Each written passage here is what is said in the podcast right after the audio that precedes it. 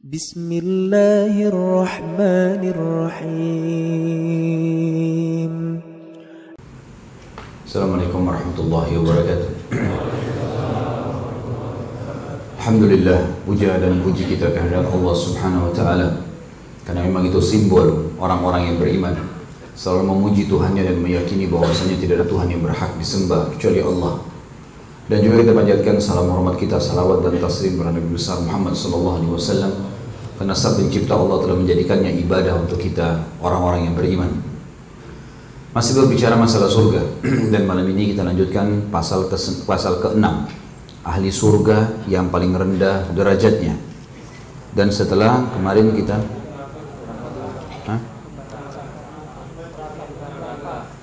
Oh kita bahas masalah neraka ya. Lupa saya maaf.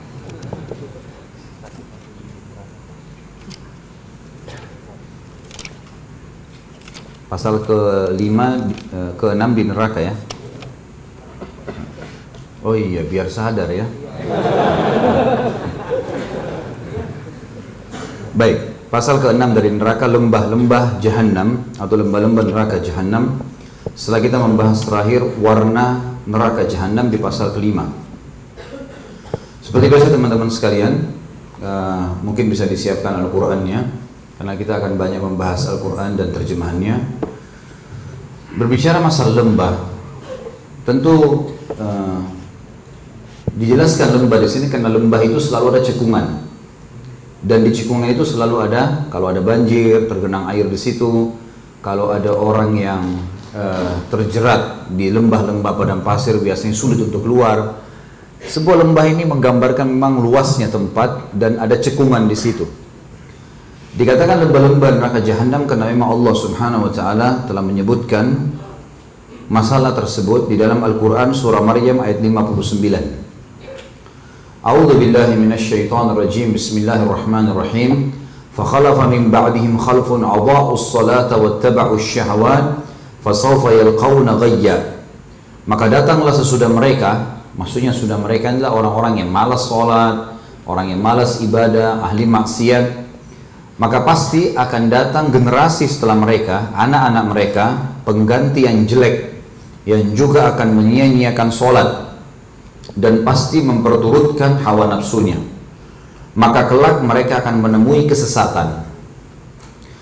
Kita ambil potongan ayat fasaufa yalqauna. Mereka akan menemui kesesatan. Dalam sebuah hadis disebutkan dan ini Ibnu Katsir mengangkat juga dalam tafsir Ibnu Katsir tafsir beliau. Abdullah bin Mas'ud radhiyallahu anhu menjelaskan tentang firman Allah fasawfa yalqauna ghayya. Mereka kalau terjemahan letterletnya akan menemui kesesatan. Tapi makna tafsirnya adalah kata Ibnu Mas'ud maka kelak mereka akan menemui kesesatan yakni sebuah lembah di neraka jahanam yang sangat dalam dasarnya sangat busuk aromanya atau rasanya jadi makna daripada ayat tadi adalah menjelaskan masalah lembah di api neraka. Hadis yang lain adalah hadis Baihaqi dengan sanad hasan dan juga Al-Mundhiri menyebutkan dalam kitab At-Targhib.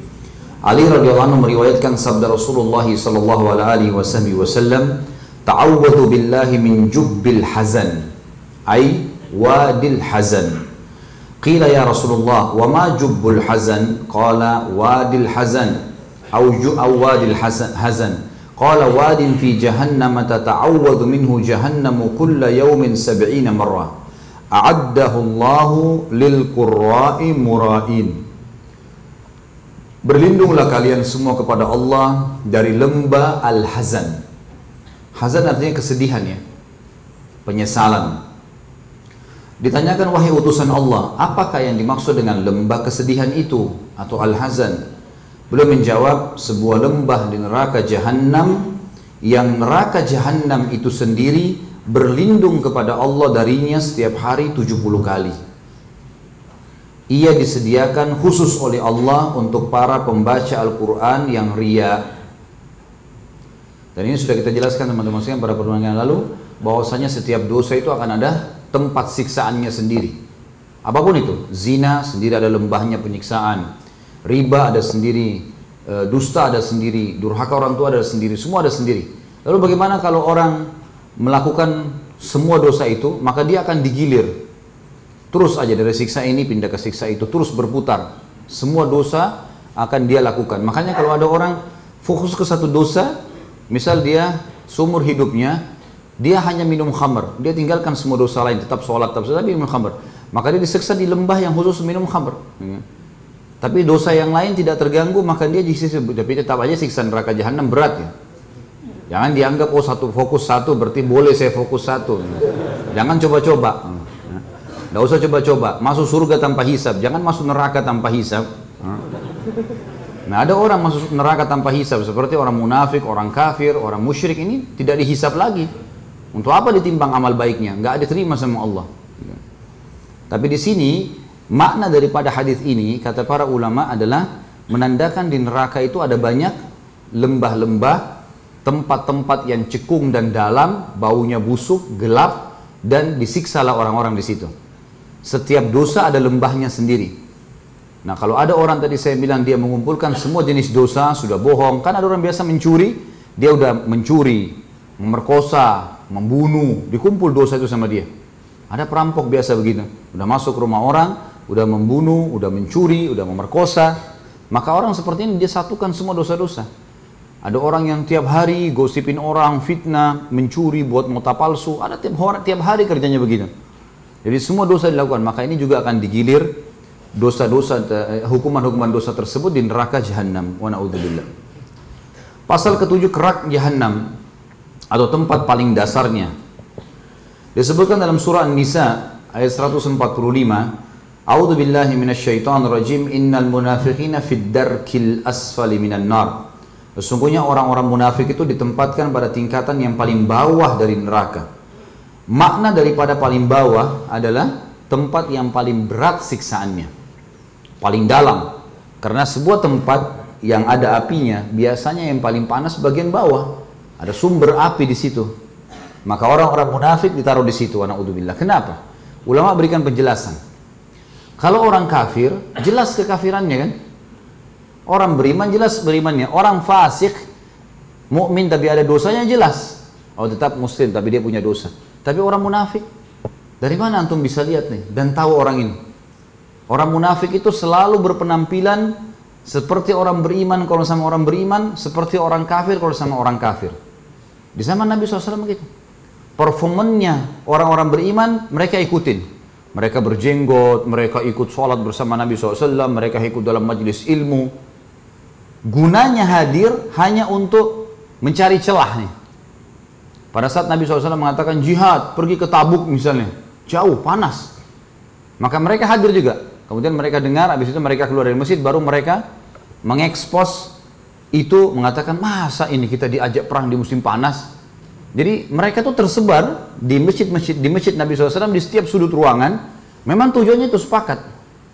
Mereka sepakat untuk sengaja mengganggu. Jadi kalau Nabi SAW lagi sampaikan apa, mereka langsung menyampaikan orang di sebelah. Ah, nggak benar tuh ah nggak gini. Tujuannya agar membubarkan majelis itu sebenarnya. Ya. Memang seperti itu tujuannya. Jadi kalau Nabi SAW sudah bentuk pasukan, mereka dekatin orang yang dekat. Ngapain ikut perang? Panas loh ini. Sampai Allah turunkan Al-Quran kan mengingatkan mereka untuk mereka bilang, panas loh ini. Kata Allah SWT, Kul naru jahannam asyaddu harra. Katakan kepada orang-orang munafik itu, neraka jahannam lebih panas daripada ini. Ya. Tapi memang begitu, cirinya seperti itu. Kalau mereka berkumpul sama orang-orang kafir, Hmm. Maka bahasanya seperti orang kafir. Mereka mengatakan pada orang-orang kafir itu, kalau kalian diperangi kami akan bersama kalian, kalau kalian dikeluarkan kami akan juga dikeluarkan bersama kalian, kalau kalian ditawan kami juga bersama kalian. Luar biasa. Susah untuk dibedain. Nama pemimpinnya di Madinah Abdullah. Huh? Bukan namanya dia nama-nama orang kafir, enggak. Namanya Abdullah. Abdullah bin Abi Salul pimpinan orang munafik. Makanya jangan heran sekarang kalau ada orang namanya Muhammad, Ahmad, tapi luar biasa bencinya sama Islam. Saya temukan informasi dan ini mudah-mudahan di majelis ini tidak ada. Dan majelis-majelis saya saya harap tidak ada. Tapi sekarang sudah mulai ada orang-orang yang tidak suka dengan dakwah Islam, performannya seperti kaum muslimin, masuk ke majelis seperti tadi subhanallah yang dilakukan. Sama dengan orang munafik di zaman Nabi SAW. Kalau ustaznya lagi sampein materi, dia bisikin orang sebelah. Bahasa nggak benar nih ustaznya ini. Masa ngomong gitu? Ternyata ada satu orang ikhwah kita yang hadir di pengajian. Kebetulan bukan cuma pengajian saya, salah satu pengajian ikhwah ustadz yang saya tahu. Itu ketemu sama salah satu teman ikhwah juga yang hadir di pengajian saya, kemudian dia katakan, saya tadi untuk pengajian ada satu orang itu, dia setiap disampaikan ustadz ini mati langsung dia mengatakan, ah masa sih? Gak benar, ini gak mungkin. Jadi dia ngacoin orang yang di sebelahnya. Sebentar dia pindah lagi ke sana, sebentar pindah lagi ke sana, dia pindah ngacoin semua nih. Subhanallah, ciri ini sudah di zaman Nabi SAW, cirinya orang munafik. Ya akhi, kalau tidak mau masuk di majelis ilmu jangan hadir. Minum kopi di rumah kamu sana. Hah? Ya enggak? Enak minum kopi, makan pisang goreng, kan enak. Duduk di masjid ini ngapain? Hah? Tambah dosa. Tapi subhanallah, orang munafik memang begitu. Makanya Allah subhanahu wa ta'ala siapkan untuk mereka, kalau orang kafir itu nggak berani masuk di tempat orang Islam biasanya. Orang-orang kafir itu mau masuk masjid aja gemetar mereka, nggak berani. Mau masuk masjid, apalagi mau berpenampilan seperti orang Islam itu susah sekali. Tapi orang munafik bisa lakukan itu. Nama-namanya seperti nama Islam, gitu kan. Ada yang sengaja melempar pertanyaan-pertanyaan, sengaja menyujudkan supaya kalau orang ini dianggap ya, tidak bisa menjawab, berarti nanti dia terpojok gitu. Makanya saya sekarang mulai menyampaikan di pengajian saya seperti kasus ini, kalau ada di pengajian disampaikan oleh seorang ustadz, dia malah mencari sengaja mengacuin antum, hati-hati di sebelahnya. Ini orang harus diingatkan. Ya. Karena antum lagi majelis ilmu dengar atau atau untuk protes. Kalau untuk protes jangan datang kan gitu. Kecuali penyampaiannya ngawur, nggak ada dalilnya, ke mana-mana kan orang berakal bisa menangkap kan gitu. Antum bisa bercerna, Allah kasih akal, Allah kasih hati bisa mencerna kan. Dan ini sudah ada di zaman Nabi Shallallahu Alaihi Wasallam. Ada yang sengaja lempar pertanyaan menyudutkan orang. Sampai saya sekarang mulai bahasakan di pengajian saya, kalau ada yang bertanya, jangan pakai tes. Saya bukan tempat tes. Gitu. Gak usah ngetes saya, gak usah, saya nggak perlu. Anggaplah saya orang bodoh di mata anda, sudah selesai, keluar aja dari masjid, kan gitu. Selesai, yang karena yang butuh banyak, yang memang mau bertanya, butuh penanya, itu aja yang bertanya. Jadi ini subhanallah bertepatan sekali, saya tidak tahu malam ini kita bahas masalah ini, uh, tapi saya tiba-tiba terlintas tadi gitu. Di zaman Nabi SAW memang cirinya mereka begitu. Kata sebagian ulama, kenapa orang-orang munafik diletakkan di, da di dasarnya neraka, tempat yang paling berat? Karena memang mereka munafik. Munafik artinya memiliki dua wajah. Dalam salah satu ayat Al-Quran Allah mengatakan mudzabzabina baina dzalik. La ilaha ulai wa la ilaha ula. Orang-orang munafik itu mudzabzab. Mudzabzab itu orang Arab bilang tidak jelas arahnya. Di sini iya, di sana iya, berwajah dua. Tidak kepada orang beriman, tidak kepada orang kafir. Ini bahaya sekali. Ya. Dan ini banyak di tengah-tengah umat Islam. Mereka menyusup tengah umat Islam. Dan jangan heran. Jangan heran. Karena di zaman Nabi SAW ada. Kita tidak lebih baik daripada Nabi SAW. Nah mereka ini diancam oleh Allah Subhanahu Wa Taala akan masuk ke dalam da dasarnya neraka. Tentu ada di zaman Nabi SAW orang-orang munafik yang taubat. Dan itu bukan mustahil mereka taubat. Karena ada juga di antara mereka tidak faham apa-apa. Ikut-ikutan temannya. Makanya Nabi SAW pada saat menasihati, meluruskan, ada di antara mereka yang tobat, ada yang mengaku, dulu saya bergabung sama ini, dulu saya begini, akhirnya mereka bertobat kepada Allah Subhanahu Wa Taala. Setelah Allah berikan hidayah kepada mereka dalam hatinya hanya sadar kalau ini adalah perbuatan yang salah. Tentu teman-teman sekalian kita sudah tahu ciri-ciri orang munafik ada empat dan ini dihindari sama sekali kalau mereka berkata selalu dusta. Orang mukmin selalu jelas, jujur, enggak ada dusta dalam hidupnya. Yang kedua adalah kalau diberikan amanah dia berkhianat, apa pun titipan orang namanya amanah. Benda kah, perkataan kah. Saya cerita sama kamu tapi jangan ceritain orang ya, amanah tuh. Jangan ceritain orang, jangan datang kepada teman, ada teman yang cerita, tapi katanya jangan cerita orang. Kamu jangan cerita orang ya, sama aja bohong. Jangan ceritain, amanah. Termasuk amanah kalau dititipkan jangan dipakai. Titipin motor, titipin mobil, udah dititip ya titip, amanah, jangan disentuh. Gitu kan. Nggak boleh sama sekali kecuali kita izin sama pemiliknya. Amanah juga kalau orang kontrak rumah, hati-hati. Contoh-contoh amanah. Kita kontrak, kita masuk dalam rumah tersebut bersih. Keluar harus sama. Nggak boleh tercuil-cuil, rusak sana sini atapnya. Ah ini kan kontrakan bukan tanggung jawab saya. Lo yang tinggal di situ siapa? Kan kita. Dan rusaknya pada saat kita sedang tinggal, tidak rusak sama pemilik rumah. Ada yang lebih parah, saya dengar di Indonesia ada yang keluar kontrakan bawa jendelanya orang, bawa pintunya orang, bawa segala macam macam. Ini auzubillah gitu. Sama juga amanah, sewa mobilnya orang. Ya? Jangan karena mobil sewa, kemudian polisi tidur ditabrak saja sembarangan lubang. Penting bukan, kenapa? Bukan mobil saya, sewa kok. Enak benar. Al jaza min jinsil amal. Hadis Nabi SAW. Balasan akan datang sesuai dengan kadar perbuatan. Hari ini kita rusak barang orang, besok kita Allah kasih mobil dirusakin juga itu. Sama ponakan kah, sama teman kah, sama sepupu kah, Allah. Kuasa Allah subhanahu wa ta'ala. Kama tadinu tudan, kata Nabi SAW. Sebagaimana kau berperilaku, kau akan dibalas yang sama. Dan banyak contohnya masalah amanah, hati-hati.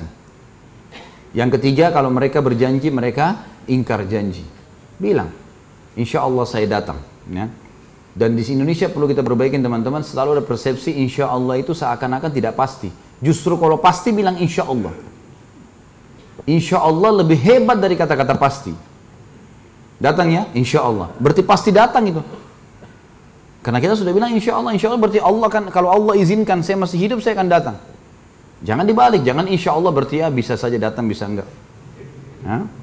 Kalau kita nggak bisa telepon, batalkan, maaf ya saya nggak bisa batalkan. Jangan tiba-tiba nggak datang, orang nunggu sampai berjam-jam.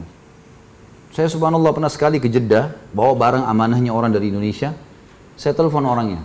Itu sampai mungkin 6 jam kali saya nunggu. Tunggu dari, sudah pakai baju ihram, nunggu di pinggir jalan, di tempat halte bus Teleponnya akhi ini ada ada amanah titipan, titipan dia. Oh iya iya baik, saya datang sebentar, 10 menit lagi. Baiklah, 10 menit sebentar. 10 menit nggak ada. Telepon telepon nggak diangkat. Setengah jam satu lagi masuk. Oh iya iya sebentar lagi 10 menit. Begitu terus sampai 6 jam. Ya, ya akhi kalau ente nggak mau datang bilang saya mau umroh ini. Ini ini nggak mungkin saya pegang terus seperti ini, gitu kan. Akhirnya saya bawa ke Mekah. Nanti selesai setelah itu baru saya titipin sama orang lain yang bisa sampaikan ke dia. Tapi untuk apa janji orang kalau nggak bisa? Maaf saya nggak bisa. Ya. Ada kaidah penting dalam hidup seorang mukmin yaitu fikul di sarahatin rah. fikul di sarahatin raha. Garis bawahi dan hafal itu ya. Bagi yang hafal ini saya kasih buku nanti. Coba ulangi. Oh ya ya ya? Kayak orang bisik-bisik. Di setiap keterus terangan ada ketenangan jiwa. Terus terang. Datang ya, saya nggak bisa. Bantu saya, saya nggak bisa. Bantu saya, iya saya bisa. Nggak usah pakai, nggak usah basa-basi. Orang mukmin nggak punya dua wajah, satu wajahnya. Iya iya, enggak enggak, clear. Halal halal, haram haram. Udah, nggak usah janji-janji. Nggak usah pakai nggak enak. Oh ini karena kita kadang-kadang Indonesia ini nggak enaknya salah tempat. Mau diajak ke tempat salah, ah, nggak enak nih. Ya ya nanti saya datang gampang-gampang. Padahal sebenarnya nggak mau datang. Nah, saya nggak bisa datang. Haram itu. Nggak boleh saya datang. Saya sudah ikut pengajian loh. Oh, kau sekarang berubah ya? Iya, saya berubah menjadi lebih baik. Beriman. Mudah-mudahan kau juga bisa rasain. Gitu. Hmm. Ayo kita ketemu di diskotik ya nggak bisa haram. Saya sudah tahu sekarang. Kamu yang hadir pengajian saya ya, ya balik aja dia. Besok nggak telepon lagi tuh. Dia sudah tahu udah berubah nih. Jadi mestinya begitu. Itu satu kaidah sederhana menyelamatkan kita dari sifat kemunafikan. Nggak ada wajah dua. Jelas semuanya. Ini orang kalau berumah tangga enak, orang kalau berparar bisnis enak, orang jadi atasan enak, jadi bawahan enak, semua enak. Karena orang tahu oh, orang ini ya apa yang dia bilang ya iya. Gitu ya. Nggak ada yang rahasia. Nggak ada sesuatu yang dirahasiakan dalam arti kata memang ada hal-hal yang boleh kita rahasiakan ya. Tapi kalau umumnya memang orang tahu ya sudah nggak masalah. Kemudian yang keempat adalah kalau mereka berdebat, mereka curang. Itu sifat orang munafik yang keempat. Kata Nabi SAW, kalau empat hal ini ada pada seseorang, pastikan dia munafik tulen sampai dia bertaubat. Jadi kalau dia berdebat, curang. Di sini kenapa dikatakan berdebat curang? Karena orang beriman tidak butuh berdebat. Tidak butuh. Teman kita benar, oh iya, Anda benar, saya terima. Selesai, clear. Di setiap keterus terangan ada ketenangan jiwa. Oh iya, benar nih, saya yang salah, saya terima. Kan clear. Orang yang suka berdebat walaupun dia salah, ciri munafik. Karena dia tidak mau kalah. Maka ini orang munafik, cirinya. Ini yang dimaksud dengan dia curang artinya biar juga jelas-jelas salah, tetap ngotot. Ada orang seperti ini teman-teman, jangan dijadikan sebagai sahabat. Orang yang baik, orang yang selalu menerima kalau benar.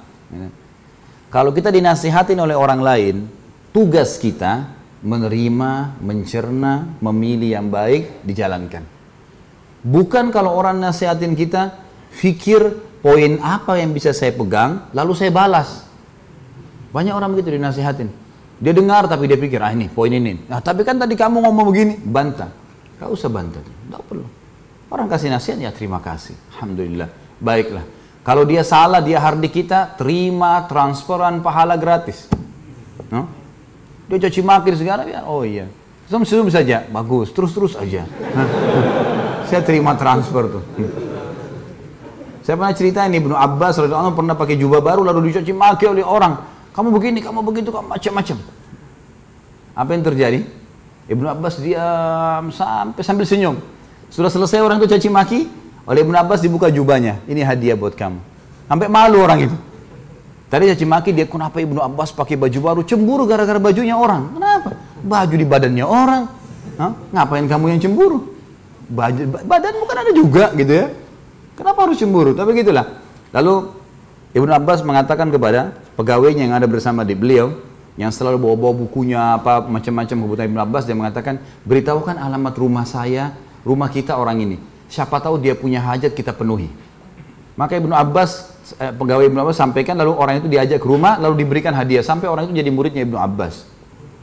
Teman-teman sekalian, jangan pernah balas kebodohan dengan kebodohan tapi balas kebodohan dengan kepintaran. Orang teriak caci maki, biarin aja. Jangan kita ikut-ikutan. Kalau ada dua orang, dua-duanya ribut. Dua-duanya jelek nggak? Dua-duanya sama jeleknya. Biar tampannya bagaimana jadi jelek juga. Matanya belalak, mulutnya besar-besar, kelihatan ludahnya muncrat semua. Hmm? Jadi jelek. Kata Nabi SAW, kalau dua orang bertengkar, maka yang memulai pertengkaran dilaknat sama Allah tuh. Hmm? Yang diam ini dikasih pahala. Sampai rivalnya ini balas. Kalau kita ikut balas, maka kita juga sama dengan dia. Jangan balas kesalahan dengan kesalahan, kebodohan dengan kebodohan. Kita digibah, kita juga gibah, itu kebodohan. Ada satu hal yang saya ingin beratkan teman-teman sekalian, penting sekali. Allah yang maha tinggi dan maha pemurah selalu mengawasi kita dengan keadilannya, dengan keluasan ilmunya, hukumannya memang benar akan datang kepada pelanggar, perlindungannya memang datang kepada orang-orang yang terzalimi, pasti. Renungi riwayat ini. Musa alaihissalam pernah satu waktu berkata kepada Jibril alaihissalam, sampaikan kepada Allah, saya ingin melihat keadilannya Allah. Allah balas melalui Jibril alaihissalam sampaikan kepada Musa, Hai Musa, kau tidak bisa sabar kalau mau menilai keadilanku. Kau manusia, punya kapasitas. Susah kau mau menilai keadilannya sang pencipta. Kata Musa, dengan taufikmu ya Allah, saya akan coba. Baiklah. Allah tunjukkan satu kejadian saja, satu kasus saja. Hai Musa pergi ke mata air ini. Pergilah Musa alaihissalam ke mata air itu. Pas tiba di mata air itu teman-teman, Allah memerintahkan Musa alaihissalam hanya lihat saja. Nggak buat apa-apa, cuma melihat. Ada kejadian. Rupanya ini di padang pasir luas, ada mata air, ada air mengalir. Datang satu orang nunggangi kuda lewat di situ. Orang ini minum, turun dari kudanya minum, rupanya di, di, sisi kan, di sisi pinggang sebelah kirinya ada kantong isinya banyak duit. Waktu itu jatuh di dekat air itu orang ini nggak tahu minum air pergi naik kuda. Musa alaihissalam lihat ini kejadian pertama ya. Tidak lama kemudian datang anak kecil umurnya 9 tahun 10 tahun belum balik datang minum air di situ, dia lihat ada kantong duit, diambil sama anak itu. Pergilah anak ini. Dua. Yang ketiga, datang orang buta. Orang buta ini mau sholat. Dalam kisah ini dikatakan mau sholat. Allahu alam pada zaman Nabi Musa AS sholatnya apa sama dengan kita kita nggak tahu. Ya. Tapi jelas mereka punya ibadah, sholat, gitu kan. Apakah jumlah rakaatnya sama? Allah alam. Karena kita tahunya jumlah rakaat kita berbeda dengan dengan Nabi Musa alaihissalam. Karena Musa sendiri waktu kejadian Isra dan Mi'raj meminta kepada Allah Musa, Muhammad SAW agar meminta diringankan sholatnya kan? Baiklah. Orang ketiga ini wudhu orang buta. Dia dengar suara air dia wudhu. Waktu dia lagi wudhu mau sholat orang yang naik kuda kembali. Dia cari mana uangnya nih lalu dia bilang eh pak buta kamu ya yang ambil uang saya Kata orang buta itu, saya nggak ambil uang. Saya buta, uang apa? Saya nggak bisa lihat. Enggak, kau pasti ambil uang. Tadi saya turun di sini, saya minum sini, uangnya jatuh di sini. Enggak, ribut, cekcok, akhirnya si penunggang kuda membunuh si buta. Sudah selesai. Buyar gitu. Sudah bubar sekarang, pergi orang yang itu, uangnya sudah hilang, si buta sudah mati di situ. Musa alaihissalam lihat. Musa berdoa sama Allah, ya Allah, saya nggak sabar lihat ini. Ini kejadian. Mereka tidak saling tahu nih ceritanya, tapi Musa lihat dengan mata kepala, jadi tahu maksudnya, kasusnya kan. Lalu Jibril datang mengatakan, Hai Musa, Tuhan mau mengirimkan salam kepadamu dan mengatakan, makanya sudah dikatakan kau tidak akan sabar, Hai Musa. Tapi perlu kamu tahu, Tuhanmu Allah maha mengetahui dan maha adil. Begini ceritanya. Si penunggang kuda itu tadi yang jatuh duitnya dengan hikmah Allah jatuh dari dia. Itu adalah tuannya, majikannya, anaknya, eh, ayahnya si anak yang mengambil uang. Anak ini tidak tahu kalau ini majikan ayahnya dulu. Tapi rupanya ayahnya si anak ini pernah bekerja sama si penunggang kuda. Pernah bekerja kuda, penunggang kuda ini tidak memberikan gajinya. Dan subhanallah gajinya senilai kantong itu. Jatuh dengan hikmah ilahi. Anak ini nggak tahu kalau ini dulu yang dolimi ayahnya. Dia datang mau minum di padang pasir, ada duit diambil. Allah dengan kemahadilannya memberikan haknya si ayah anak ini dengan caranya. Lalu yang buta bagaimana? Kata Jibril alaihissalam, si ayah ini, ayahnya anak, pada saat dia tidak dikasih gaji oleh penunggang kuda, dia pun mencari kerja di sana sini, sampai akhirnya dia bertemu sama si buta. Ini si buta dulu bukan orang buta. Lalu si buta ini dengan sebuah kejadian membunuh ayahnya si anak. Jadi dua orang ini yang jatuh duitnya penunggang kuda pernah mengambil hartanya ayahnya si anak. Si buta ini membunuh ayahnya si anak. Anak ini nggak tahu. Akhirnya Allah membuat si buta dibunuh oleh penjahat juga karena dia membunuh ayahnya si anak. Coba bayangin teman-teman, kalau kita di posisi manusia bisa kita faham ini. Rumit sekali. Itu baru satu kasus. Bayangin berapa kasus ini. Hah? Itu hakim hadapin masalah saja bisa nggak tidur dia di pengadilan. Bagaimana kalau seluruh dunia ini masalah? Apa yang kita bisa ambil pelajaran dari kisah ini teman-teman sekalian? Bagaimana Allah mengawasi, mengontrol, dan kalau orang beriman berada di relnya Allah nggak usah khawatir. Nggak usah jadi orang munafik, nggak usah jadi orang orang kafir, orang mukmin enak. Dan Allah maha adil, pasti mengambil hak kita. Bayangkan ayahnya si anak ini sudah mati loh. Allah masih kembalikan haknya dengan caranya Allah. Allah mengatakan dalam Al-Quran, A'udhu billahi minasyaitan rajim, Innahum yakiduna kaida wa akidu kaida. Mereka mau ngatur tipu daya, aku juga mengatur tipu daya, kata Allah. Nggak bisa buat apa-apa mereka. Jadi teman-teman sekalian, tidak usah khawatir. Ada banyak orang lemparkan isu umat Islam lagi terdesak, nanti akan dibantai. Isu semua. Kita punya wahyu dari langit. Orang beriman akan menang. Selesai konsepnya. Mati terbunuh, mati syahid Tertolimi, ambil haknya di akhirat. Nggak ada yang hilang. Nggak ada yang hilang. Jadi bagaimana saja kita berada di realnya Allah. Ya. Dan setiap kali antum menghadapi sebuah masalah teman-teman sekalian, yang paling pertama lakukan muhasabah diri sendiri dulu. Bisa saja Allah mau kita beristighfar dengan hikmahnya. Kita punya salah bertobat, astagfirullah wa atubu ilaih. Kita tobat kepada Allah SWT. Insya Allah kalau itu permasalahannya connect nanti sisi itu berhenti gitu pemicu kita jadi masalah ini jadi berhenti dengan hikmah Allah. Karena sebenarnya sumbernya di sini. Kalau kita tidak melakukan perbuatan, sudah tenang aja. Pasti ada sesuatu yang Allah inginkan, peninggian derajat ke, akhirnya nanti orang dikenal, nanti anyo ini, A, B, C, banyak hal lah. Kita berada di ranah, di zona yang dikuasai oleh Allah teman-teman sekalian. Allah melihat, Allah mengawasi segala-galanya. Orang beriman akan tentram dengan itu. Dalam hadis riwayat Imam Muslim, Khalid bin Umar menceritakan Utbah bin Ghazwan.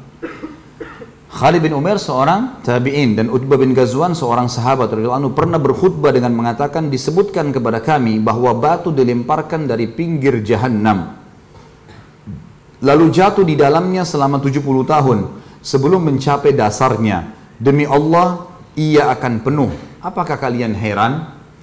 Maksudnya apakah kalian tidak percaya itu ini pengakuan seorang sahabat tentang penyampaian baginda Nabi sallallahu alaihi wasallam. Juga hadis yang lain, Hadis riwayat Tirmidzi dengan sanad hasan.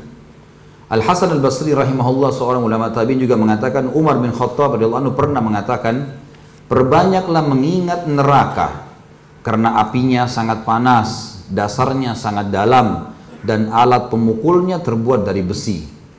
Jangan anggap remeh itu. Ya kan untuk apa masuk neraka jahanam teman-teman? Karena pelanggaran.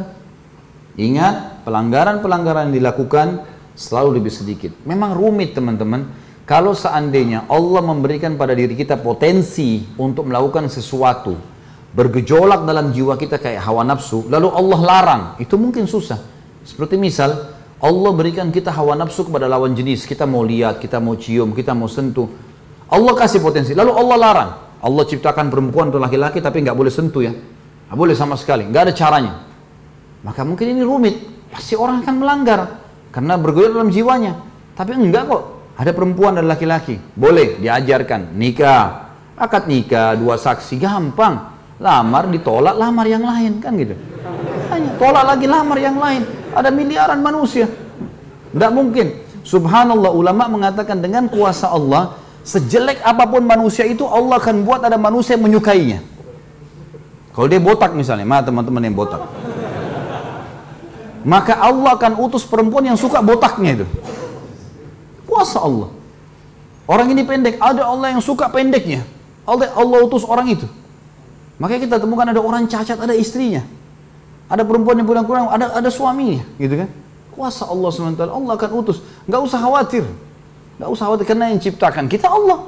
Maka Allah akan utus yang cocok buat kita, gitu kan? Udah selesai, seperti itulah. Jadi kita jangan sampai bersangka buruk sama Allah. Semuanya aman. Aman saja, tinggal berada di relnya. Dan jangan keluar dari situ teman-teman sekalian. Tidak ada gunanya keluar dari jalur keimanan. Nggak ada ketentraman. Abu Hurairah juga mengatakan riwayat, kami tengah berada di sisi Nabi SAW lalu kami mendengar suara gemuruh. Maka Nabi SAW, maka Nabi SAW bertanya, tahukah kalian suara apa itu? Kami menjawab, Allah dan Rasulnya yang lebih tahu. Beliau menjawab, itu atau ini adalah batu yang dikirimkan Allah ke dalam neraka jahanam sejak 70 tahun dan kini sampai di dasarnya. Jadi saking dalamnya neraka jahanam itu. Artinya orang jatuh saja dari lembah kecur ke jurangnya sudah cukup untuk remuk. Bagaimana dengan dalamnya 70 tahun? Hmm? Eh, jangan konyol teman-teman sekalian. Nikmati yang halal, jauhi yang haram. Nikmati yang halal. Silakan nikah, setelah nikah insya Allah silakan berhubungan sampai capek. Hmm?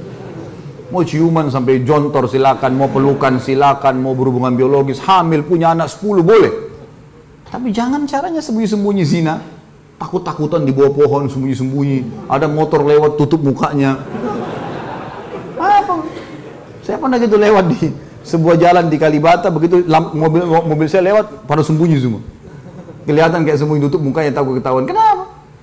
menikah baik-baik. Kalau menikah jalan, wajahnya kelihatan. Suami iya, istri iya, bangga, nggak ada apa-apa. Kenapa nggak lakukan ini?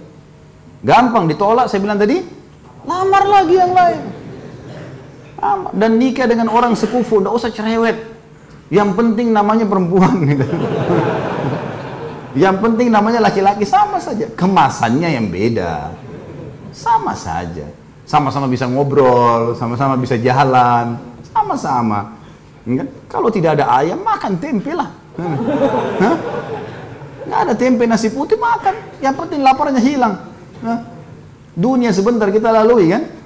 Kalau ada ayam, Alhamdulillah. Ada kambing, Alhamdulillah. Kalau tidak ada, makan. Daripada mati kelaparan. Kan begitu. Jadi yang haram itu sedikit, tidak usah khawatir. Ah, yang halal. Kita untuk apa teman-teman nikmati yang haram baru masuk neraka? Hah? Sudah rumit.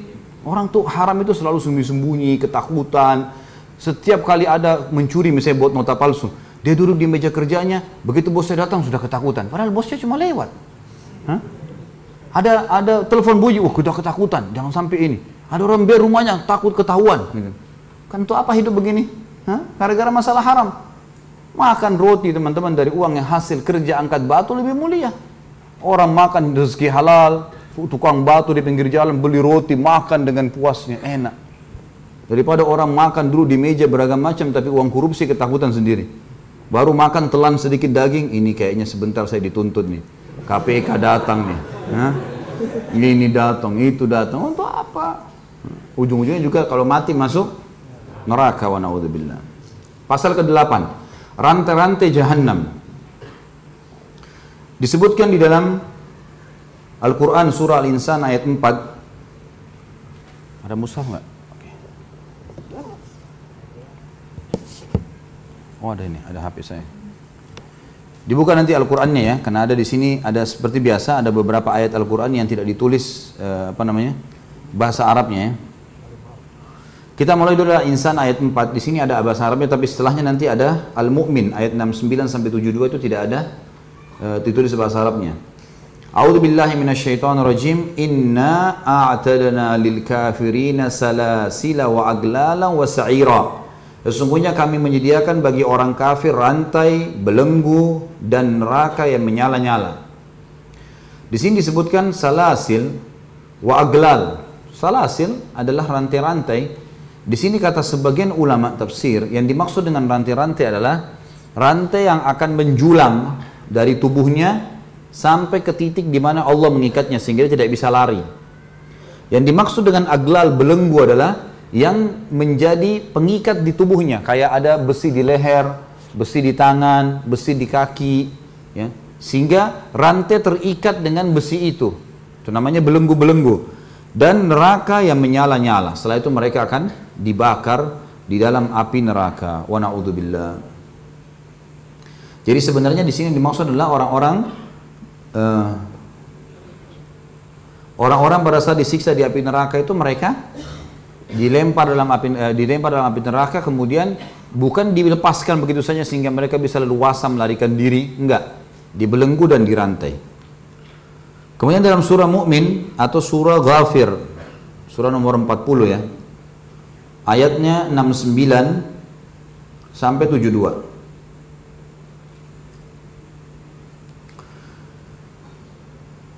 Allah a'udzu billahi minasyaitonir rajim.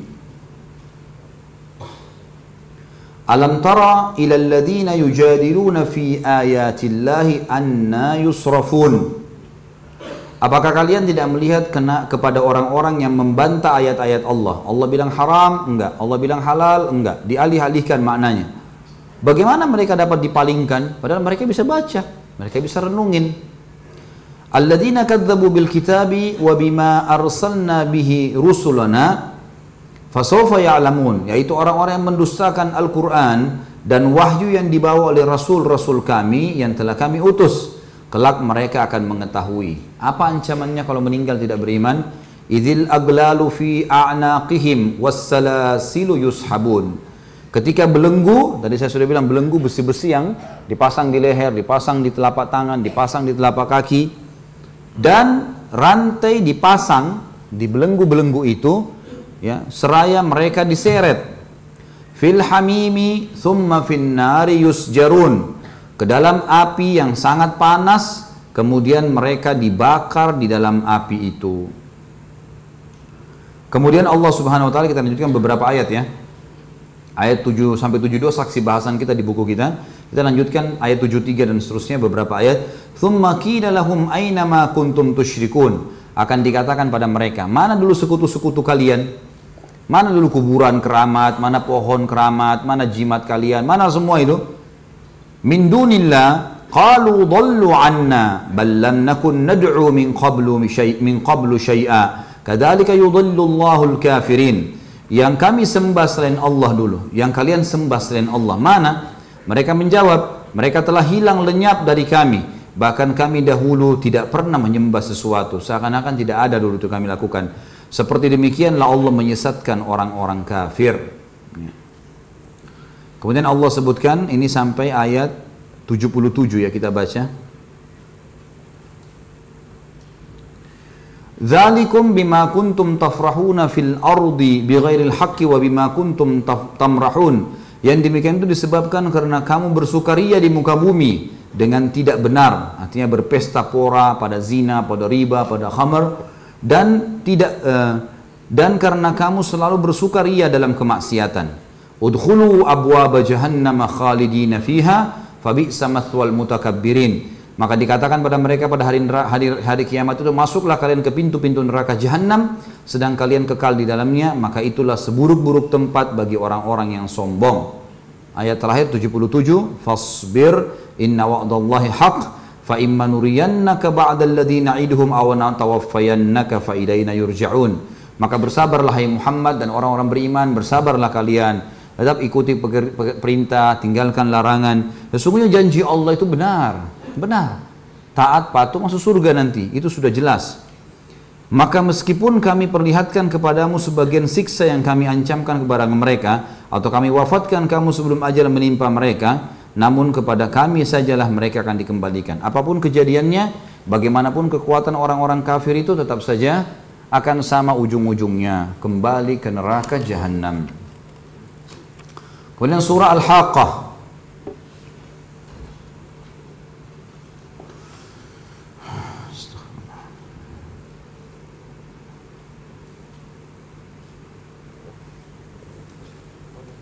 Surah nomor 69 ya tentang hari kiamat.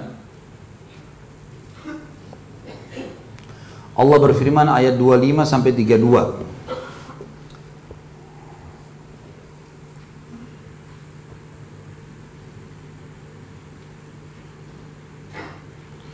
Wa amma man utiya kitabahu bishimalihi fayaqulu ya laitani lam uta kitabiyah.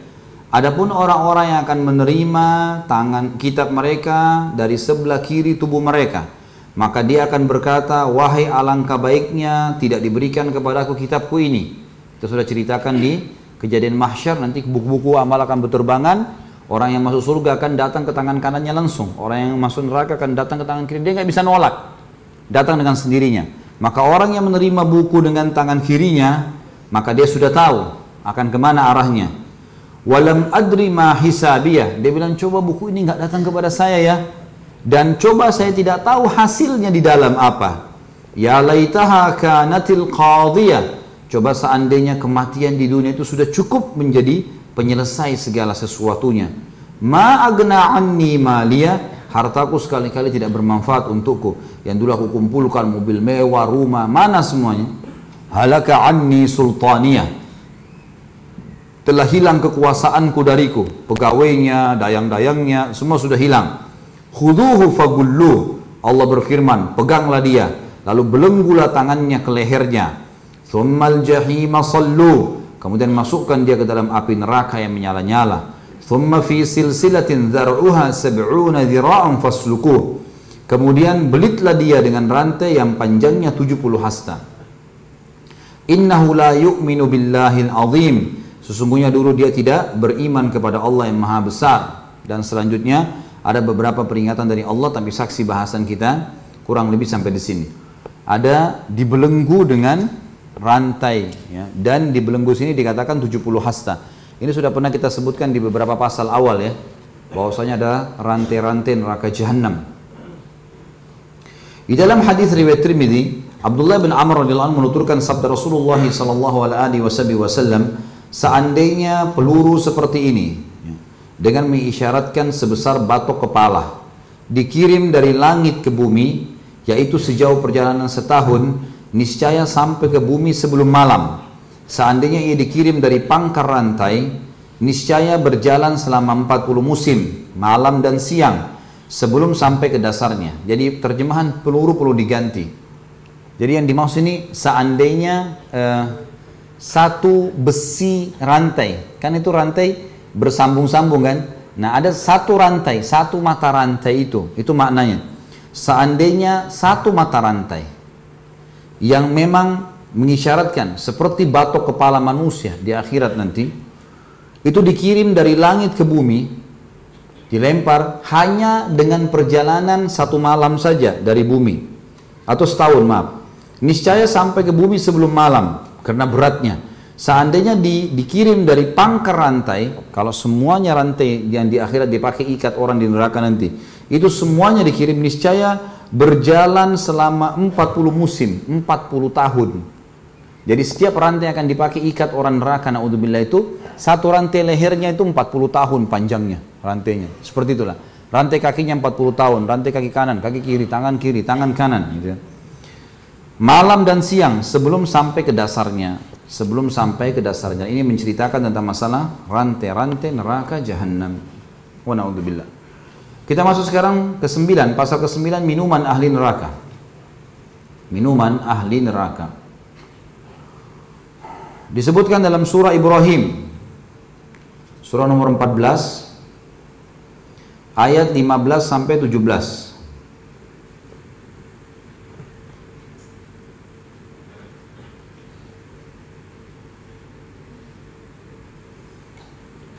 wastaftahu wa khaba kullu jabbarin anid dan mereka memohon kemenangan atas musuh-musuh mereka dan binasalah semua orang-orang yang berlaku sewenang-wenang lagi keras kepala. Jadi semua orang yang membuat kerusakan di muka bumi teman-teman umurnya hanya sampai ajalnya. Keburukannya hanya sampai ajalnya. Sekuat apa pun dia sezalim apa pun dia. Sampai batas yang sudah Allah tentukan. Min waraihi jahannamu wa yusqa min ma'in sadid. Sementara di hadapannya pada saat dia sudah mati ada jahannam dan dia akan diberi minuman dengan air nanah. Karena orang kalau dibakar luka, luka itu kalau luka biasa keluar darah, tapi kalau luka itu membusuk keluar nanah. Nana keluar, jadi pengganti darah itu sendiri, baunya busuk, nggak enak, sebagaimana sudah mungkin kita tahu semuanya. Maka penghuni neraka karena disiksa, dibakar terus, bukan lagi darah yang keluar, sudah nanah. Jadi lantai neraka jahanam penuh dengan nanah semuanya. Dan itu minuman mereka. Wa na'udzubillah. Ini ayat Al-Quran. Ditilawakan sampai hari kiamat. Untuk apa? Gara-gara minum khamar? Gara-gara pacaran sembunyi-sembunyi? Gara-gara dusta? Gara-gara sifat kemunafikan? Untuk apa? Minumannya seperti ini. Lalu Allah mengatakan, menyebutkan, Yatajarra'uhu wala yakadu yusighu wa ya'tihi al-mautu min kulli makanin wa ma huwa bimayyit wa min waraihi adzabun ghalidh. Pasti diminumkan air nanah itu pada mereka. Jadi orang neraka jahanam itu mereka haus naudzubillah. Dan pada saat haus tangannya tertahan kakinya tertahan mulutnya terbuka. Harus minum. Nggak bisa nggak? Di sini dikatakan yatajarra'uhu artinya diminumkan air nanah itu secara paksa wala dan hampir dia tidak bisa menelannya. Dia berusaha untuk tidak telan.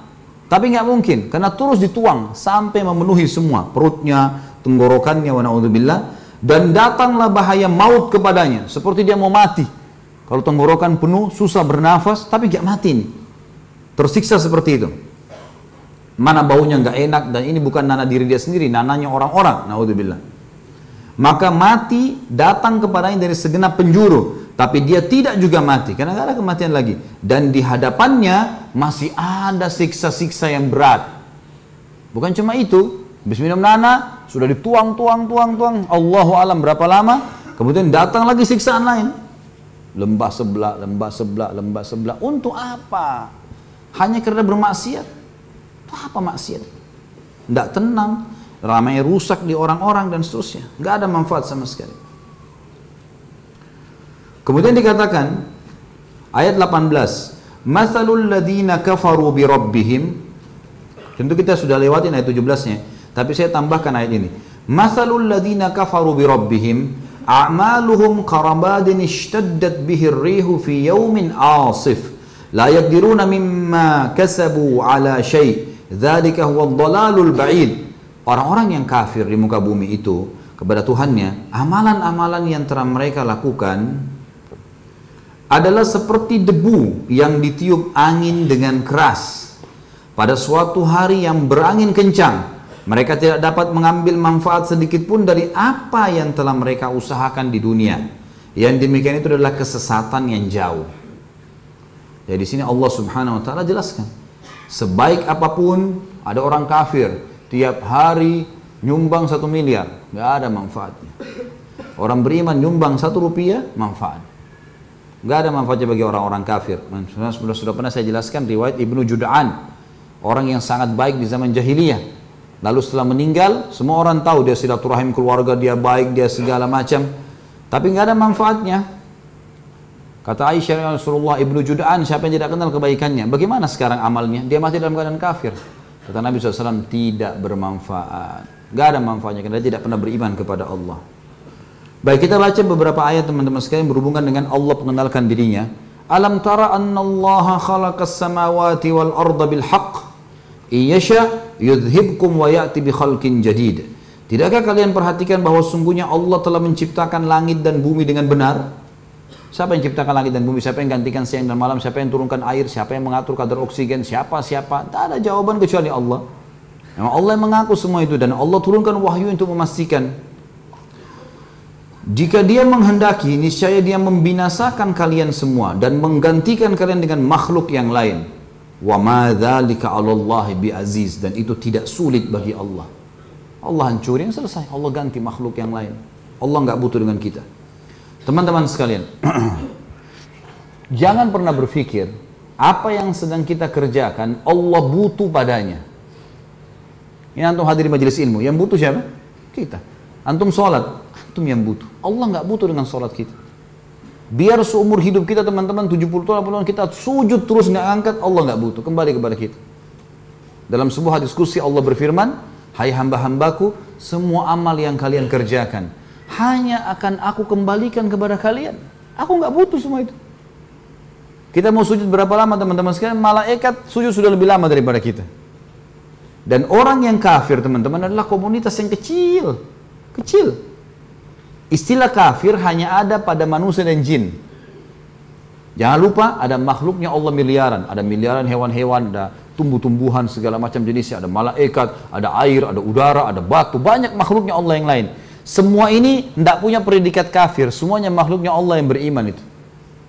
Kenapa Allah mengatakan tidak ada makhluk yang kalian lihat kecuali umamun amthalukum. Seperti kalian itu sama. Sama saja. Umamun amthalukum sama kalian. Tapi mereka punya ibadah sendiri sampai Allah mengatakan tidak ada sesuatu di langit dan bumi kecuali bertasbih kepada Allah, walakin la tafkahuna tasbiham. Tapi kalian tidak mengerti apa yang mereka tasbihkan. Artinya kata ulama, semua selain jin dan manusia beriman pada Allah. Semuanya. Miliaran. Jadi sebenarnya yang tidak beriman sama Allah ini sedikit. Siapa mereka? Komunitas kecil dari manusia dan jin. Itu saja. Manusia pun lebih banyak orang yang beriman daripada orang kafir. Ya.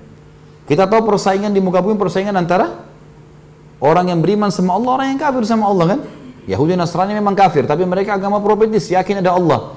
7,5 miliar manusia, 6 miliar orang beriman. Profetis. 3 miliarnya orang muslim.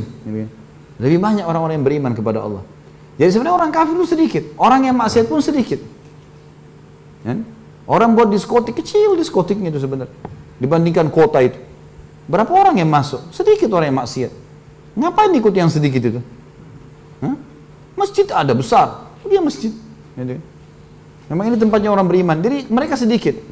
Dan subhanallah, menjadi sunnatullah, semua yang menakutkan manusia, yang membahayakan manusia lebih sedikit teman-teman sekalian. Contoh rumah sakit. Mana lebih banyak? Penghuni rumah sakit atau orang di jalanan? Hah?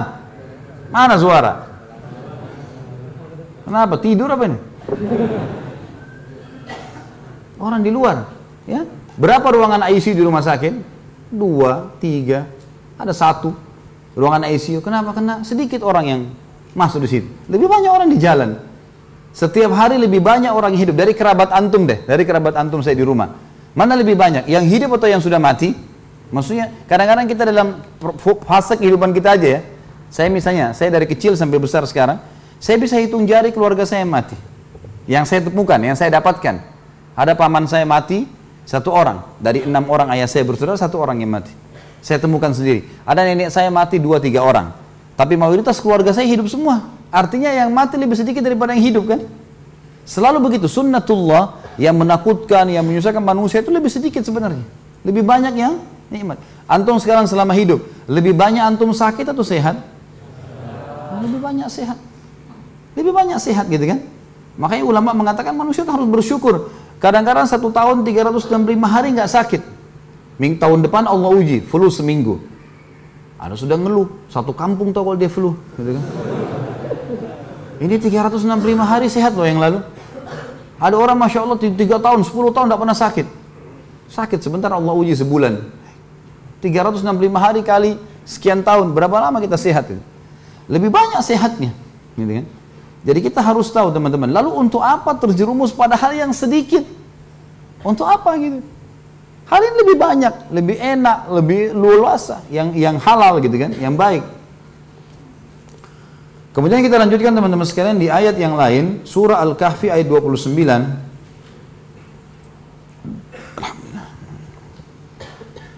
Walaupun teman-teman sudah hafal, saya selalu sarankan kalau di pengajian saya sudah hafal Al-Quran pun, ada ibadah sendiri melihat Al-Qurannya ya. Melihat Al-Quran dengan mata kepala, membaca tilawahnya itu adalah ibadah. Makanya Utsman bin Affan radhiyallahu hafal Al-Quran. Tapi Qurannya tiap hari dikhatam sama dia. Dibaca juga, bacaan sendiri. Mengulang hafalan sendiri, membacanya sendiri. Ya, emang itu ibadah. Ayat 29 berbunyi A'udzubillahi minasyaitonirrajim wa qulil haqqu min rabbikum.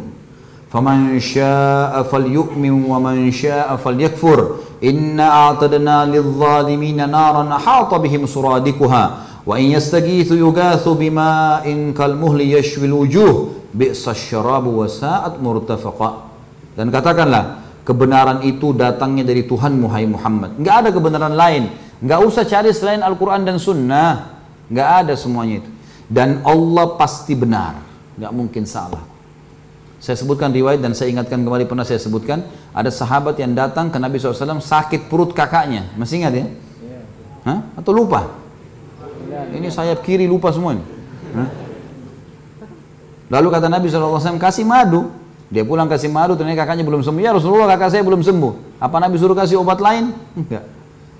Allah pasti benar dan perut kakakmu yang bohong. Lihat penanaman akidah dari Nabi SAW. Gak ada yang salah. Belum hari ini besok pasti terjadi. Inna Allah la yukhliful mi'ad. Allah nggak akan pungkiri janjinya. Katakanlah hai Muhammad kebenaran datang dari Tuhanmu. Dan barang siapa yang ingin beriman, mau belajar, mau patuh, silahkan kata Allah. Hendaklah ia beriman. Dan barang siapa yang mau kafir, nggak, nggak ada, bantah, silahkan kata Allah silahkan kafir. Sesungguhnya kami telah menyediakan bagi orang-orang yang zalim dan kafir itu neraka yang gejolaknya mengepung mereka, apinya mengepung mereka dari semua sisi. Dan jika mereka meminta minum karena haus, niscaya mereka akan diberi minum dengan air seperti besi yang mendidih yang menghanguskan muka.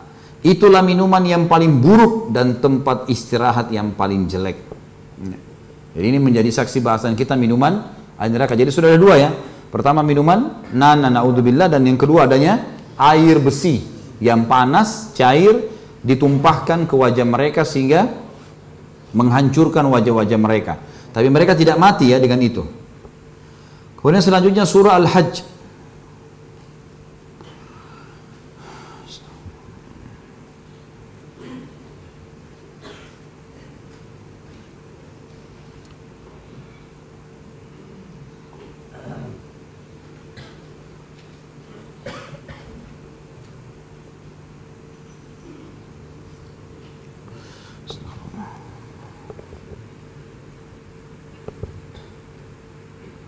Surah nomor 22 ya. Ayat 19 sampai 21. Ya sebenarnya sayang kalau kita nggak baca dari awalnya nih. Saya akan baca dari awalnya. A'udzubillahi minasyaitonirrajim ayat 1. Ya ayyuhan nasu taqu rabbakum. Inna zalzalas sa'ati syai'un azim. Hai sekalian manusia dari suku mana pun kalian, sekecil sampai sebesar kekuatan, fisik, harta kalian. Bertakwalah kepada Tuhan kalian, takutlah, patulah kepada Allah. Sesungguhnya goncangan hari kiamat itu adalah suatu kejadian yang sangat besar. Sebelum tiba itu jangan nyesal. Yauma tarawunaha tadhalu kullu murdi'atin amma arda'at wa tada'u kullu dhati hamlin hamlaha wa taran nasa sukara wa ma hum bisukara walakinna 'adzaballahi syadid. Ingatlah pada hari ketika kamu melihat kegoncangan itu, lalailah semua wanita yang menyusui. Mereka sampai meninggalkan anak-anak mereka. Padahal sebenarnya ibu-ibu kalau lagi nyusuin dijaga anaknya. Menyusui anak dari wanita yang lalai. Lalailah semua wanita yang menyusui anaknya dari anak yang disusui dan gugurlah kandungan segala atau seluruh wanita yang sedang hamil. Dan kalian akan melihat manusia dalam keadaan mabuk padahal mereka sedang tidak mabuk. Ya. Tapi azabnya Allah sangat pedih atau sangat keras. Wa minan nasi man yujadilu fillahi bighairi ilmin wa yattabi'u kulla syaitanin marid. Ada di antara manusia orang yang membantah tentang Allah tanpa ilmu pengetahuan dan mengakui setiap syaitan yang jahat. Setiap diingatkan oleh syaitan, dinasihati, digoda, ikut. Kutiba alaihi annahu man tawallahu fa annahu yudhilluhu wa yahdihi ila azabis sa'ir. Telah diberitahukan kepada kalian, ditetapkan dalam syariat Allah bahwa siapa yang mengikuti syaitan itu yang berkawan dengan dia, dibisikin zina, dibisikin riba, dibisikin dusta, dibisikin palsu, nota dan seterusnya, dia ikuti. Tentu dia akan menyesatkannya dan membawanya ke adab neraka. Ya ayuhan nas, إن يا أيها الناس إن كنتم في ريب من البعث فإنا خلقناكم من تراب ثم من نطفة ثم من علقة. ثم من علقة ثم من مضغة مخلقة وغير مخلقة لنبين لكم. ونقر في الأرحام ما نشاء إلى أجل مسمى ثم نخرجكم طفلا. ثم نخرجكم طفلا ثم لتبلغوا أشدكم. ومنكم من يتوفى ومنكم من يرد إلى أرض العمر لكي لا يعلم من بعد علم شيئا وترى الأرض هامدة فإذا أنزلنا عليها الماء اهتزت وربت وأنبتت وأنبتت من كل زوج بهيج Hai manusia, ini sekalian teman-teman bagi orang yang masih ada keraguan tentang masalah akhirat.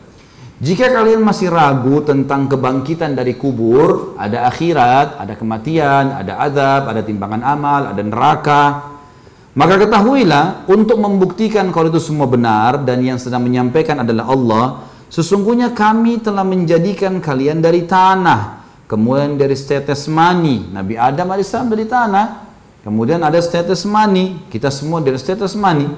Kemudian dari segumpal darah, mani ketemu dengan sperma menjadi segumpal darah. Kemudian dari segumpal darah yang sempurna kejadiannya dan yang tidak sempurna. Ada yang jadi, ada yang tidak jadi, kata Allah. Agar kami jelaskan kepada kalian dan kami tetapkan dalam rahim apa yang kami kehendaki sampai waktu yang sudah ditentukan. Allah mau dia melahirkan kapan? Ya sudah. Kemudian kami keluarkan kalian sebagai bayi. Kemudian dengan beransur-ansur kalian sampailah kepada kedewasaan. Dan di antara kalian ada yang diwafatkan dan ada pula di antara kalian yang dipanjangkan umurnya sampai pikun. Supaya dia tidak mengetahui lagi sesuatu pun yang dahulunya yang diketahuinya. Orang kalau sudah tua, pikun, tidak tahu apa-apa. Siapa yang bisa, ada nggak satu orang di antara kita yang bisa mengaku membuat ini? Datangkan siapa pun yang dianggap hebat bisa nggak dia lakukan ini? Bahkan teman-teman sekalian, manusia paling hebat dan paling kaya pun tidak bisa membuat rambut dia sendiri. Rambut dia tidak bisa buat. Gitu. Dikatakan di sini, Allah ceritakan tentang masalah pikun tadi, dipanjangkan umurnya sampai pikun supaya dia tidak mengetahui lagi sesuatu pun yang dahulunya telah diketahuinya. Dan kamu atau kalian lihat bumi itu kering, kemudian apabila telah kami turunkan air di atasnya, turun hujan, Hiduplah bumi itu dan suburlah dan menumbuhkan berbagai macam tumbuh-tumbuhan yang indah. Daun teman-teman sekalian, daun atau bunga mawar. Warna merah, warna kuning, warna ini. Ada yang bisa buat itu? Tidak ada, mustahil. Sehebat apa pun kamera antum, nggak bisa sama dengan mata. Mata nggak ada megapikselnya. Ya. Kalahin semua kamera, luar biasa gitu. Maka ini semua pasti ada penciptanya dan tidak pernah ada yang mengaku kecuali Allah Subhanahu wa taala. Kalau ragu dan itu ini semua loh bukti-buktinya. Lalu untuk apa ragu lagi? Allah mengatakan di ayat 6, "Dzalika bi Allah wal haqq wa annahu yuhyil mauta wa annahu ala kulli syai'in qadir." Yang demikian itu membuktikan kalau sesungguhnya Allah itu benar-benar hak. Ada Allah itu Tuhan kalian. Dan sesungguhnya dialah yang menghidupkan segala yang mati dan sesungguhnya Allah Maha Kuasa atas segala sesuatu wa anna sa'ata atiyatun la raiba fiha wa anna Allah yab'atsu man fil qubur sesungguhnya hari kiamat itu pasti datang. Tidak ada keraguan padanya. Dan bahwasanya Allah membangkitkan semua orang-orang yang ada di kubur. Wa minan nasi mayujadilu fillahi bighairi ilmin wala hudan wala kitabim munir. Ada manusia yang bodoh membantah-bantah tentang Allah tanpa ilmu pengetahuan. Tidak ada itu nggak ada ini. Tanpa petunjuk, tanpa kitab atau wahyu yang bercahaya memandunya. Thaniya iftihi if, sabilillah. Lahu fid dunya khizyun wa nudhikuhu yaumal qiyamati azab al-harik. dengan memalingkan lambungnya untuk menyesatkan manusia dari jalan Allah Maksudnya dia berusaha untuk membolak-balikan badannya, sana nyalain, sini nyalain, semua nyalain manusia agar menyesatkan dari jalan Allah. Ia mendapatkan kehinaan di dunia dan di hari kiamat kami merasakan kepadanya adab neraka yang membakar. Dzalika bima qaddamat yadaka wa anna Allah laisa bidhallamin lil 'abid. Akan dikatakan kepadanya pada hari kiamat yang demikian itu akan karena disebabkan perbuatanmu sendiri yang kamu kerjakan oleh kedua tanganmu dahulu. Dan sungguhnya Allah sekali-kali bukanlah penganiaya hamba-hambanya. Karena Allah sudah ingatkan. Detik terakhir pun mau meninggal suruh taubat. Kalau dia taubat Allah masih terima. Wa minan nasi may ya'budullaha ala harf. Fa in asabahu khairut ma'anna bih wa in asabathu fitnatun qalaba ala wajhi khasirat dunya wal akhirah dzalika huwal khusranul dan di antara manusia ada orang yang menyembah Allah dengan berada di tepi dengan lisannya saja. Maka jika ia memperoleh kebajikan, tetaplah ia dalam keadaan itu. Dan jika dia ditimpa suatu bencana, berbaliklah ia ke belakang. Menyalah-nyalahkan Allah, nyalahkan takdir. Rugilah ia di dunia dan di akhirat. Yang demikian itu adalah kerugian yang nyata.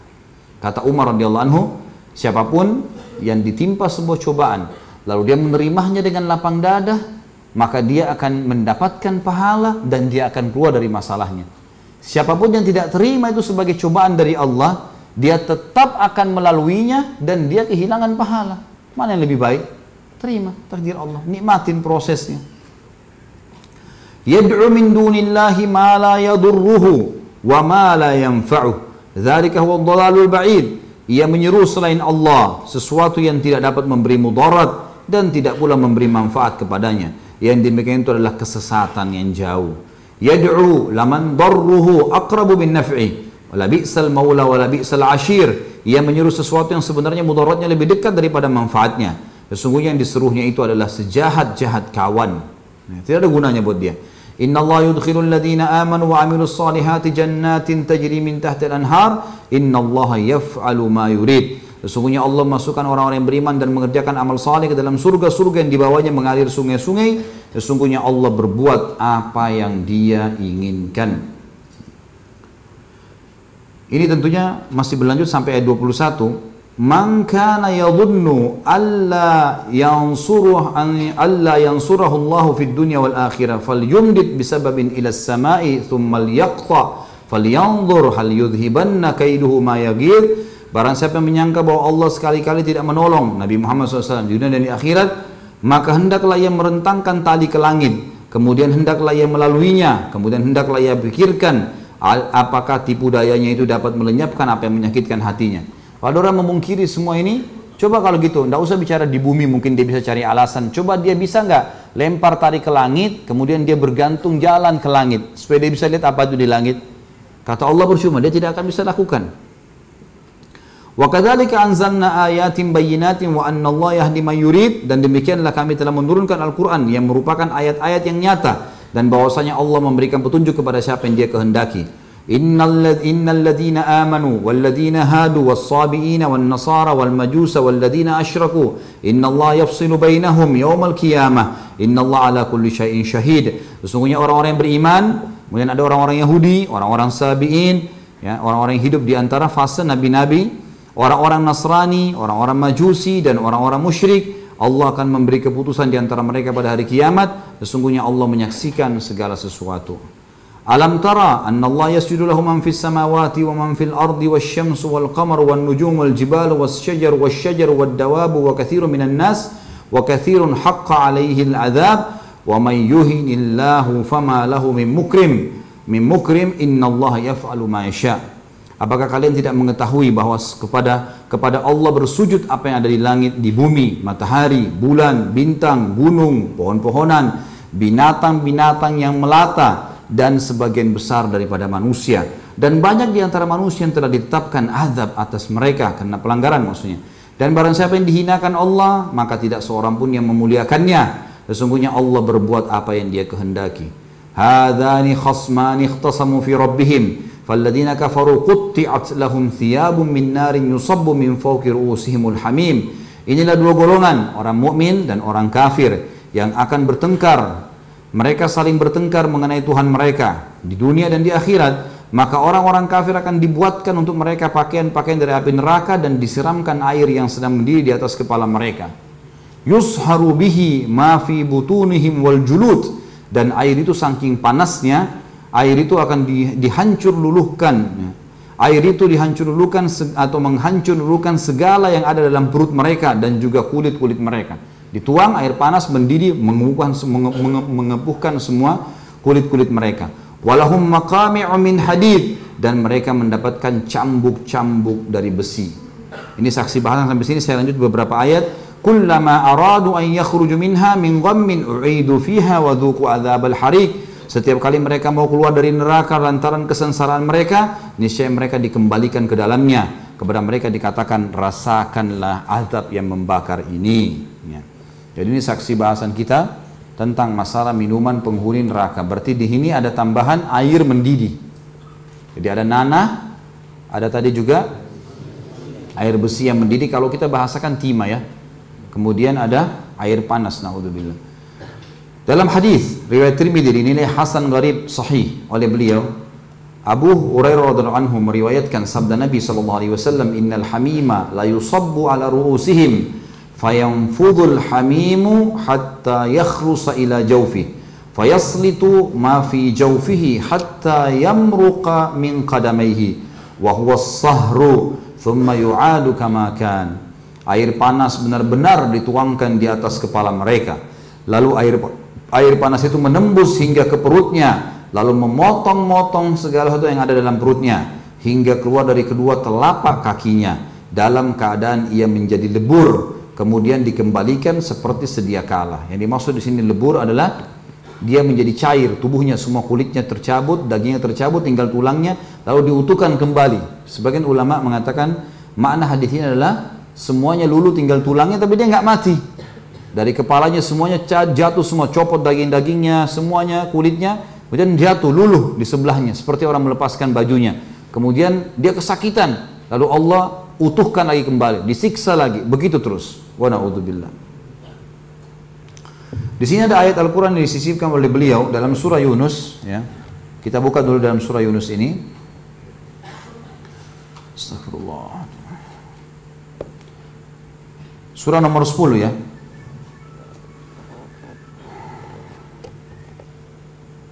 Ayat 4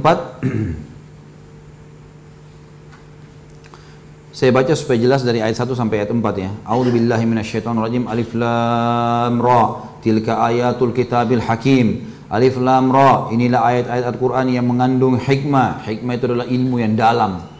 Orang kalau ikutin, orang kalau renungi maka dia akan dapat ilmu yang dalam. Akana linnasi ajaban an auhayna ila rajulin minhum an anzirin nasa wa basyiril ladina amanu wa basyiril ladina amanu anna lahum qadama sidqin 'inda rabbihim Qalal kafiruna inna hadha lasahirun mubin. Patutkah menjadi keheranan bagi manusia bahwa kami mewahyukan kepada seorang laki-laki di antara mereka? Berilah peringatan kepada manusia dan gembirakanlah orang-orang yang beriman bahwa mereka mempunyai kedudukan yang tinggi di sisi Tuhan mereka. Orang-orang kafir berkata, sesungguhnya orang ini maksudnya Nabi Muhammad SAW benar-benar adalah tukang sihir yang nyata. Inna rabbakumullahu alladhi khalaqas samawati wal arda fi sittati ayyamin thumma stawa 'alal Arsh yudabbirul amr ma min syafi'in illa min ba'di idzni dzalikumullahu rabbukum fa'budu afala tadhakkarun Sesungguhnya yang telah mengutus Muhammad itu sallallahu alaihi wasallam adalah Tuhan kalian ialah Allah yang menciptakan langit dan bumi dalam enam masa kemudian dia bersemayam di atas arsh yang mengatur segala urusan Tiada seorang pun yang akan memberi syafaat atau pertolongan kecuali sesudah ada izinnya. Nyanya huruf besar N-nya karena Allah. Zat yang demikian itu adalah Allah, Tuhan kalian. Maka sembahlah dia. Maka apakah kalian tidak mengambil pelajaran? Ilaihi marji'ukum jami'a. Ini saksi bahasan kita. Wa'dallahi haqqa. Innahu yabda'ul khalqa thumma yu'iduhu liyajziyal ladhina amanu wa amilus salihati bil qista. والذين كفروا لهم شراب من حميم وعذاب أليم بما كانوا يكفرون hanya kepada Allah lah kalian semua akan dikembalikan sebagai janji yang benar daripada Allah. Sesungguhnya Allah menciptakan makhluk pada permulaannya kemudian mengulanginya menghidupkannya kembali sesudah berbangkit agar dia Allah memberi pembalasan kepada orang-orang yang beriman ya dan yang mengerjakan amal soleh dengan adil dan untuk orang-orang kafir disediakan minuman air yang panas dan azab yang pedih disebabkan kekafiran mereka. Jadi Allah SWT menyebutkan sini ada minuman air yang panas ya. Kemudian terakhir dalam pasal kita adalah hadis Nabi Shallallahu Alaihi Wasallam riwayat Muhammad dengan sanad Hasan dan juga Al Mundur disebutkan dalam kitab Targhib. Hadis ini juga banyak pendukungnya dari hadis Sahih dari Ibnu Amr dalam riwayat Ibnu Majah dan juga lainnya diriwayatkan Tirmidzi dari Ibnu Umar disahihkan oleh Albani dalam Sahihul Jami'. Asma binti Yazid radhiyallahu anha menuturkan sabda Rasulullah sallallahu alaihi wasallam, "Man syaribal khamra lam yardallahu anhu arba'ina lailah." فإن مات مات كافرا فإن عاد كان حقا على الله أن يسقيه من طينة الخبال قالت قيل يا رسول الله وما طينة الخبال قال صديد أهل النار Barang siapa yang minum khamar, maka Allah tidak ridho kepadanya selama 40 malam. Ya. Jika ia mati dalam keadaan mabuk, maka dia mati dalam keadaan kafir. Kata Ibnu Abbas, kata Ibnu Ibnu Abbas, kufrun duna kufur. Artinya dia mati dalam kondisi membawa dosa kekafiran, bobotnya seperti kafir, tapi bukan orang kafir kalau dia meninggal dalam keadaan mabuk. Ini yang dimaksud. Tapi Allah tidak ridho dengannya 40 malam. Jika ia mengulangi perbuatannya, mabuk malam ini, kemudian dia mabuk lagi besok, misalnya diulangi, maka Allah pasti akan meminumkannya dari tinatul khabal. Kalau dia meninggal tidak sempat taubat, maka minum minuman ini. Ditanyakan, apa itu tinatul khabal? Wahai utusan Allah, belum menjawab nanahnya ahli neraka. Nanahnya ahli neraka. Wa na'udzubillah. Baik. Terakhir kita tutup teman-teman sekalian dengan pasal ke-10, makanan ahli neraka. Tadi minumannya sekarang ada makanannya. Nanti juga kita akan lihat insya Allah di bahasan masalah surga ada makanan dan minuman juga. Tapi berbeda sekali. Diangkat firman Allah yang pertama surah Ad-Dukhan ayat 43 sampai 46. A'udzu billahi minasyaitonir rajim. Inna syajarataz zakkum ta'amul athim kal muhli yagli fil butun qaghallil hamim. Sesungguhnya pohon zakum itu makanan orang-orang yang berdosa. Ia sebagai kotoran minyak yang mendidih dalam perut seperti mendidihnya air yang panas. Kemudian dalam surah Al-Haqqah, jadi di sini disebutkan tentang masalah buah zakum, itu makanannya. Buah zakum, nanti akan lebih jelas kita paparkan di hadis Nabi SAW seperti apa buah zakum itu. Sekarang kita masuk dalam surah Al-Haqqah. Di buku kita di sini sama, tidak ditulis bahasa Arabnya. Kita buka surah Al-Haqqah.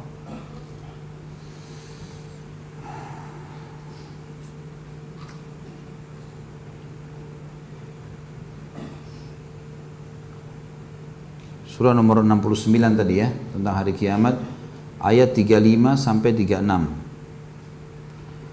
A'udzu billahi minasyaitonir rajim. Falaisa lahul yawma hahuna hamim. Orang-orang yang mati dalam keadaan kafir orang fasik tidak sempat tobat sebelum meninggal tidak ada seorang pun penolong baginya pada hari ini di, di, di hari kiamat. Wala ta'amun illa min gislin tidak ada lagi makanan sedikit pun baginya kecuali dari darah dan nanah Gislin itu istilah bagi campuran darah dan nanah. La ya'kuluhu illal khati'un. Tidak ada yang memakannya kecuali orang-orang yang berdosa. Yang dimaksud sini adalah darah dan nanah, kata sebagian ulama tafsir yang sudah kering, membeku. Kemudian atau mengeras, kemudian diberikan makanan buat mereka. Naudzubillah. La ya'kulu al khati'un tidak ada yang memakannya kecuali orang yang berdosa, gitu kan. Ini saksi bahasan kita 35 sampai 36 tapi saya baca sampai 37 karena memang bersambung ayatnya. Kemudian dalam surah Al-Ghashiyah Allah Subhanahu wa taala juga berfirman ayat 6 A'udzu billahi minasyaitonir rajim laisa lahum ta'amun illa min dari' Mereka tidak memperoleh makanan selain pohon-pohon yang berduri. Dari adalah pohon-pohon yang berduri. Kemudian surah Al-Muzammil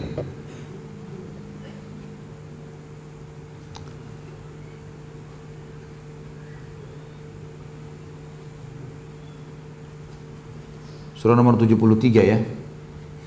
Ayat 12 sampai ayat 13.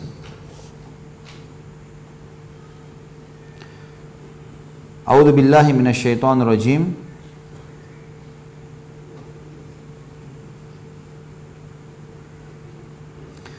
Saya baca dari ayat 12-nya, "Inna ladaina ankalan wa jahima."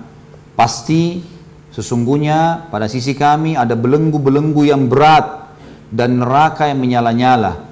Wa ta'aman wa adzaban alima dan makanan yang menyumbat di kerongkongan karena enggak enak, pahit, bau, jadi dia usaha ditahan, nyangkut di kerongkongan mereka dan menjadi azab yang pedih. Ya. Ini yang dimaksud bahas, makanannya adalah makanan yang pedih dan menyumbat, men, uh, menyumbat di kerongkongan. Ya. Kemudian kita masuk ke hadis Nabi SAW yang merincikan makanan ahli neraka. Hadis riwayat Tirmidzi dan dinilai hadis hasan sahih.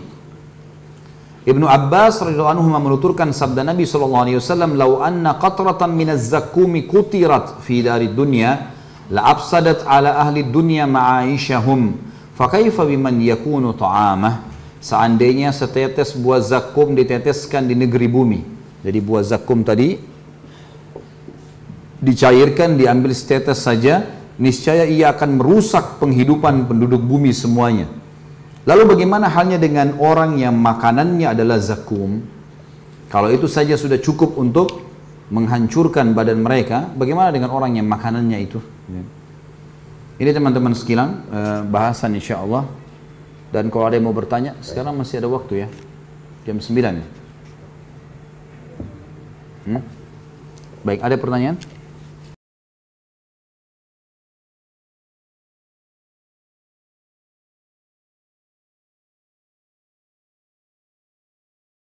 سبحان الله